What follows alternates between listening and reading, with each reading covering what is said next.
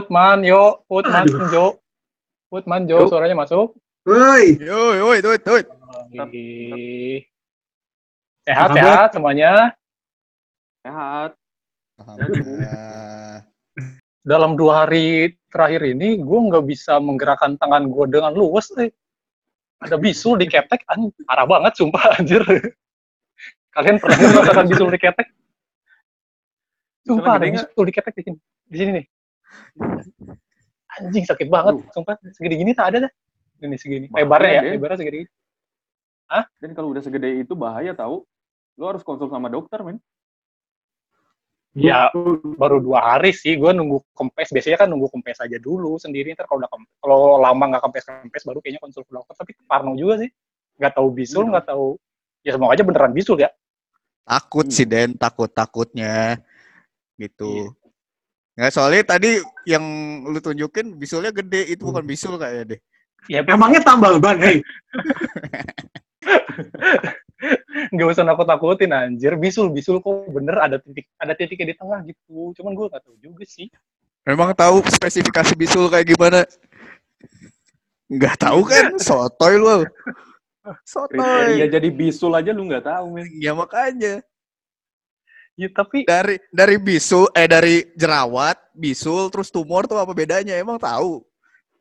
anjing masa tumor sih? Enggak, enggak, enggak. Ya kan nggak Goblok. tahu, Denny. Astagfirullahaladzim. Enggak, enggak, enggak, enggak, enggak. Ini tanya ke siapa? Kek, ada ke orang yang bisa ditanyain kan? Ini Ngeri juga. Lu ada teman dokter nggak, man? Setahu gua Haryo ada kalau nggak salah. Oh, Aryo punya? Saya punya teman dokter hewan. Oke, Wah, cocok nih. ah, bangsat. emang gua gua emang salah satu over terberata sih emang sebenarnya. Amalia juga sih. Udah, anjing gak bener anjing sama Hilman sama Putra mending nanya ke temen lu yang dokter deh yuk. Ada nggak sekarang? Temen lu ada nggak? Coba ya diundang Ya udah, udah, udah, temen gua. cabut dulu dah anjing gua mau ngobrol-ngobrol sama dokter lu mau konsultasi lu sana ntar ngeganggu anjing nakut nakutin Iya. gua lu berdua cabut. Ya udah. Good luck ya. Den ya. Stay safe. aja bukan tumor ya, Den ya. Ya. Pakai masker Den.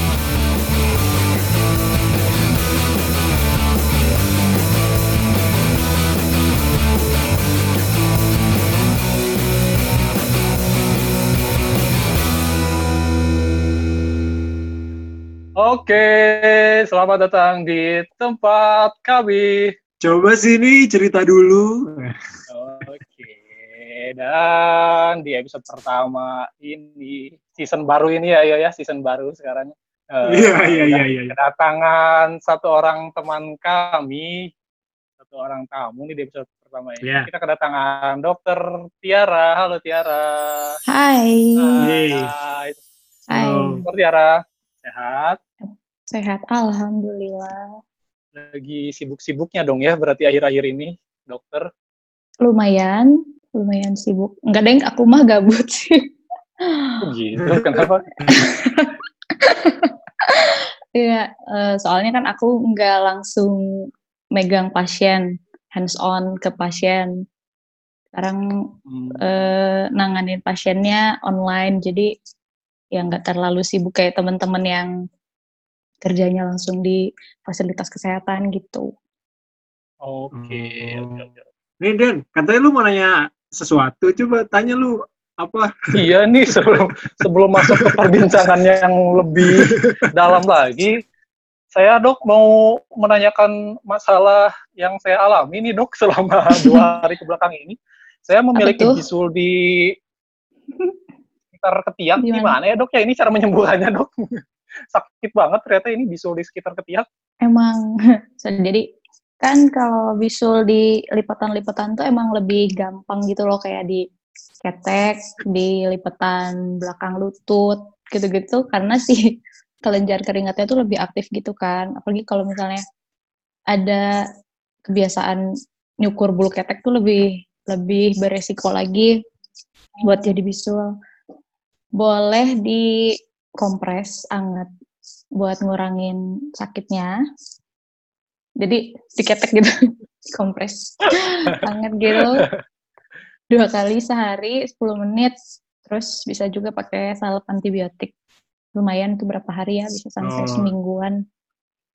Hmm, kalau pas pakai salep berarti posisi tangan gue begini terus dong ya? Nggak bisa Hmm. dilipet ya boleh, ngapain?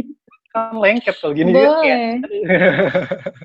Ya kan gitu apa pakein terus Berarti- tunggu garing dikit lu- gitu boleh. Ya.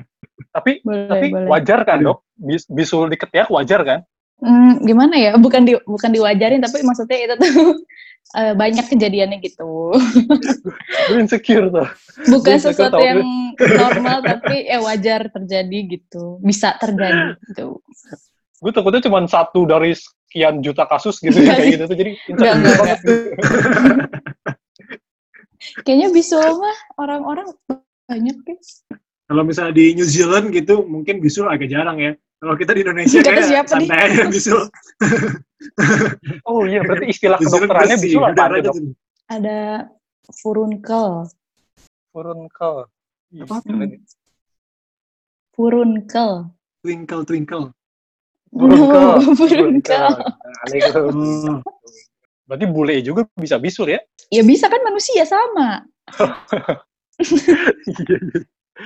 Nah gitu, bisul, terus masuk angin gitu. Penyakit-penyakit Indonesia banget tuh sebenarnya bule juga mengalami nggak sih? Nah, kalau masuk angin tuh kan sebenarnya istilah kedokteran tuh nggak ada ya masuk angin. Jadi kita juga agak bingung gitu nge, nge apa sih gitu kalau orang nyebutin masuk angin kadang sok beda-beda kan. Kalau kalian nyebutin Ya. masuk angin tuh keluhannya apa coba? nggak punya Eh, uang ini biasanya. Kebetulan saya nggak punya nggak punya uang. Beda Nggak masuk angin. Kan jadi nggak makan, nggak makan, apa kosong. Banyak sendawa, Nah, yang sendawa. Terus apa lagi? Soalnya beda-beda. kentut, kentut, ya kentut. Kentut. Iya, Jadi iya.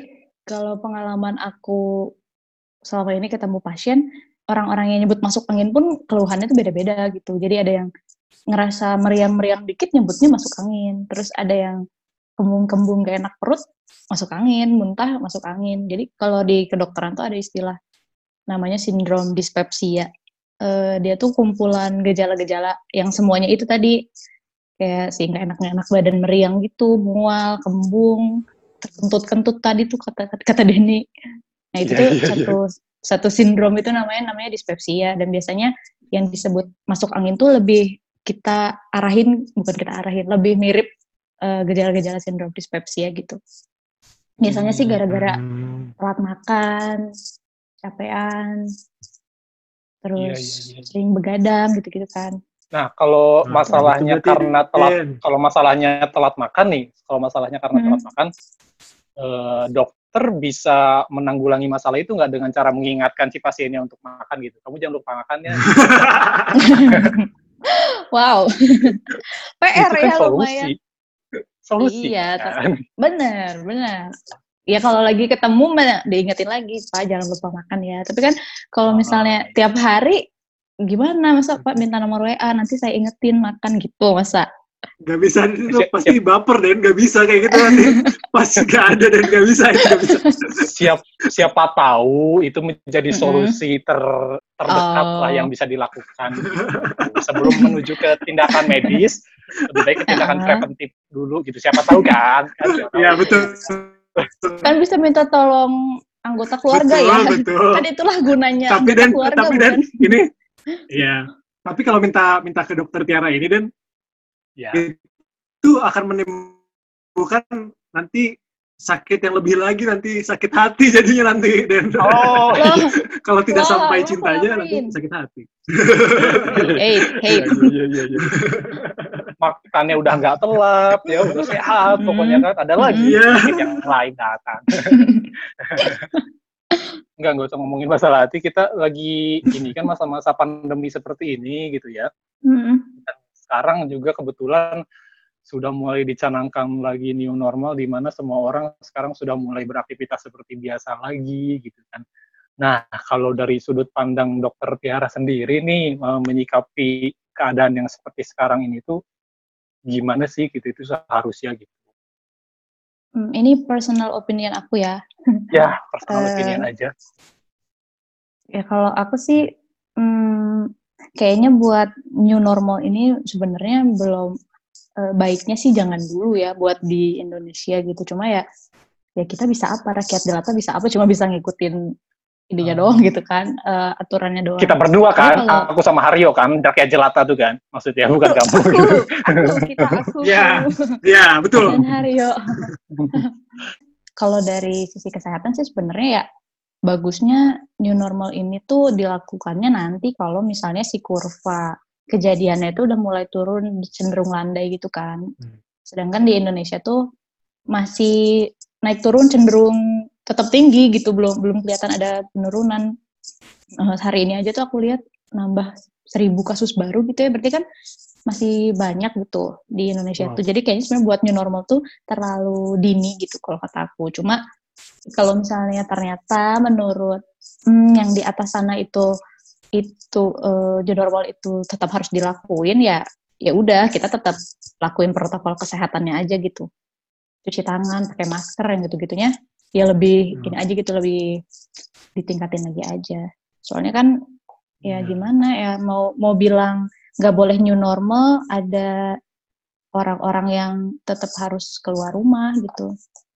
Kalau apa ya Hmm. kita juga dokter kan kalau misalnya disuruh tanggung jawab emang bisa tanggung jawab permasalahan ekonomi? Ya enggak nggak bisa. Kita juga eh, enggak bukan kapasitasnya. Jadi ya kalau sebagai eh, medisnya sih ya kalau ada yang sakit pasti kita tolongin. Terus kita ingetin terus aja buat pencegahannya biar nggak apa biar nggak terpapar si covid ini gitu. Cuma Hmm. ya sebisa mungkin eh, masyarakat masyarakat di luar sana tuh ya lebih ini lagi gitu sama si protokol kesehatannya soalnya kan new normal tapi pas di luarnya prakteknya kayak nggak ada apa-apa gitu loh Iya, iya, Ya, iya, gitu. iya. Kayak nggak new gitu kan. aja kayak iya kayak ya udah ya begitu aja gitu kalau bisa sih new normalnya beneran new normal gitu protokolnya di Jadi, apa sebe- ya, sebenarnya yang harus kita jalankan adalah new normal, bukan back to normal ya. Jadi kayak normal yang baru ya. Hmm. Soalnya kan kemarin-kemarin nggak ada virus eh, coronanya gitu. Kalau sekarang kan ada, jadi mau nggak mau ya itulah new normalnya kayak gitu gitu. Kalau mau Iya, new iya. normal ya kayak gitu caranya gitu loh. Kalau in your honest opinion lagi nih ya, kira-kira bakal hilang nggak sih ini virus? Bakal hilang. Kalau bakal hilang mungkin-mungkin aja sih. Maksudnya kan eh, optimisnya ya bakal hilang. Soalnya ya kalau pengalaman-pengalaman yang sebelumnya kan virus kan nggak baru hari ini, eh nggak baru corona aja gitu dari dulu mah virus pandemi wabah udah banyak dan tetap ketemu juga vaksinnya. Cuma kuncinya pandemi itu sebenarnya sabar gitu loh, kayak Hmm. penelitian. Jadi kayak Hmm. eh, kan kita harus neliti dulu gitu si apa namanya karakteristik penyakitnya kayak gimana, regimen terapi yang dibutuhinnya kayak gimana, vaksinnya sampai ditemuin Iya. itu kan kuncinya sabar sampai sampai ketemu itu semua. Dan kalau misalnya udah ada mah ya ya kita mau hidup biasa lagi udah divaksin baik-baik aja juga nggak apa-apa. Cuma kan sampai ke proses itunya itu loh yang harus sabar gitu. Sabar, Hmm. sabar ya. Iya, iya. Emang semua tuh harus sabar, Den. Nggak bisa. Emang semua harus sabar. Berarti kalau misalkan sabar adalah nggak boleh cepet. kalau sabar adalah kuncinya, berarti gue optimis gitu. Kalau masalah sabar malah berani gue jamin berani adu lah masalah sabar. Uish. Mantap. Eh, ini kita juga ada temen juga berdua nih ya yang kira-kira kayaknya bakal nanya-nanya juga Iya. nih ya. Ke Siapa Ya, teman ya, kami mumpung ada. ada dokter. Coba, boleh Kita undang aja ya. Ini dua teman kita yang mau Iya. bertanya ini penonton bayaran.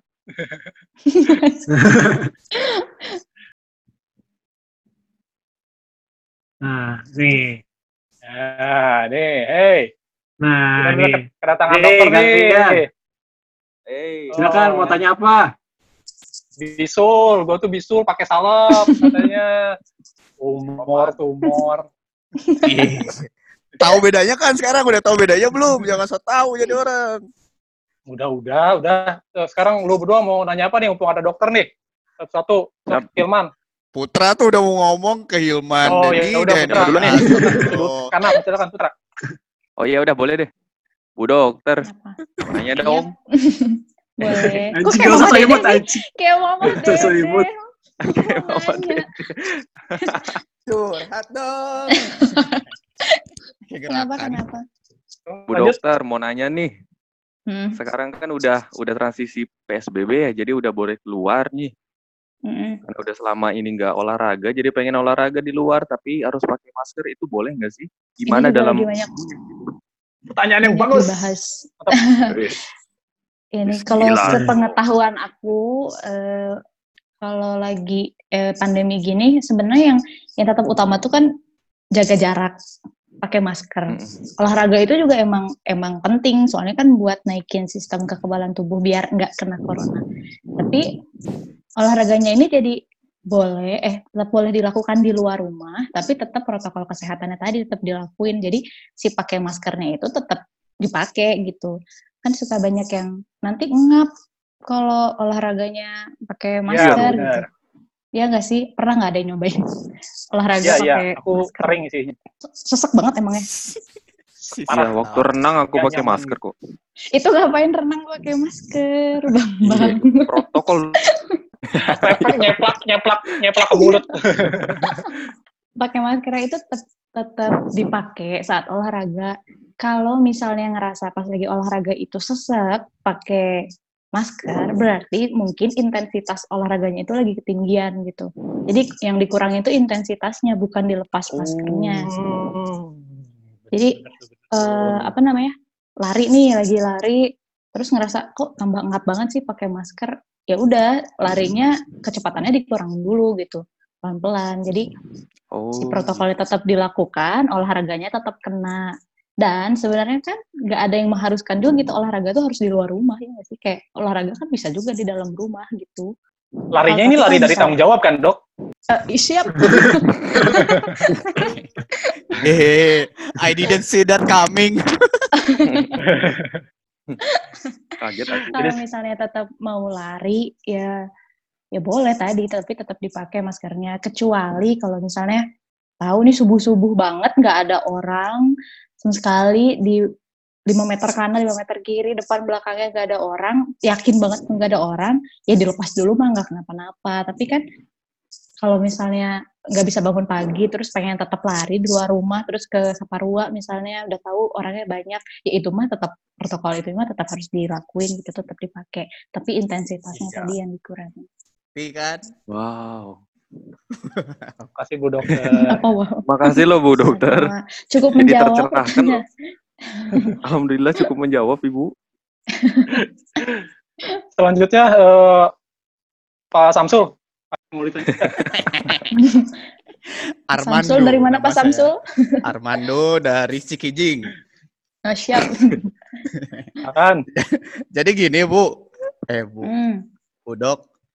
Eh, sekarang kan banyak protokol yang harus dijalanin ya, kayak pakai masker, Mm. terus pakai hand sanitizer, jaga jarak dan lain-lain. Hmm.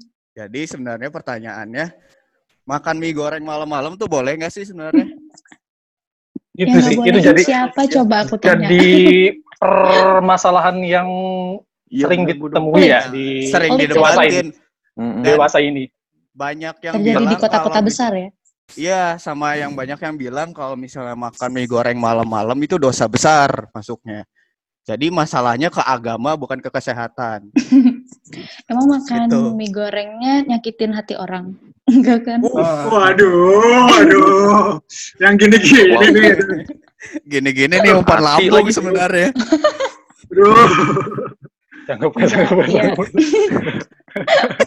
salah ya, salah ngomong. Kayaknya mending Enggak, live enggak, aja. enggak. Bener tak? Nah, dokter nggak pernah salah, dokter Tiara nggak salah. Ah. Kita aja yang kita aja yang pikirannya suka ini aja. Ya. Sama pengalaman suka.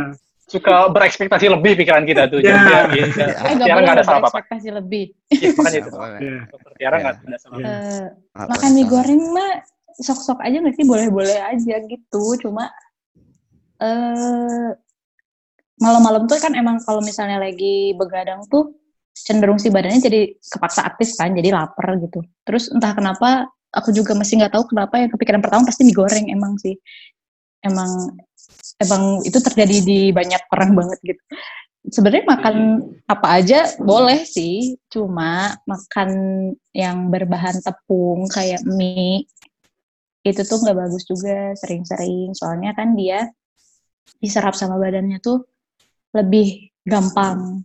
Jadi kalau udah sama kita tuh cuma makan mie goreng, terus jarang gerak, terus makannya malam-malam sebelum tidur, ya udah aja itu tuh langsung diserap gitu loh sama sama badannya, nggak dijadiin Oh, energi gitu.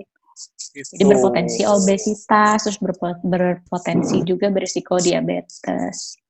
Berarti mitos mie goreng atau mie instan yang bakal nimbun berapa hari itu bohong ya dok ya? Timun di mana maksudnya? Iya, jadi dulu ada kayak dia kalau mie instan itu nggak gampang dicerna dok. Eh, jadi gini. Kayaknya ya? kayaknya omongan lu put yang gak gampang dicerna tuh daripada Iya. put. Iya, iya. Bingung Iya, kita omongan put sebenarnya. Kayaknya Jadi itu deh yang salah. Ini ada pertanyaan pertanyaan terakhir nih dok ya sebelum mengakhiri talk show absurd ini. Ya. Eh, jadi gimana caranya Mm-mm. eh, supaya dipikirin sama dokter malam-malam gitu selain jadi mie instan gitu? Kayaknya Eh, enak. gimana gitu. ya? Anjing. Itu kayak lebih sulit Serius dicerna. Itu seminggu deh katanya juga deh. Kalau malam-malam mikirin Indomie, mikirin Indomie, apakah aku harus jadi Indomie juga gitu dok supaya dipikirin sama dokter malam? Au, au, au, au, au. Boleh. Denny hebat, Denny Indomie. hebat. Keren, Denny keren. Smooth ya, Buat ya. smooth. buat yang nonton di luar sana, buat semuanya dia yang pengen dipikirin sama dokter Tiara gitu kan, selalu dipikiran dokter Tiara malam-malam, kamu harus berubah jadi Indomie, oke?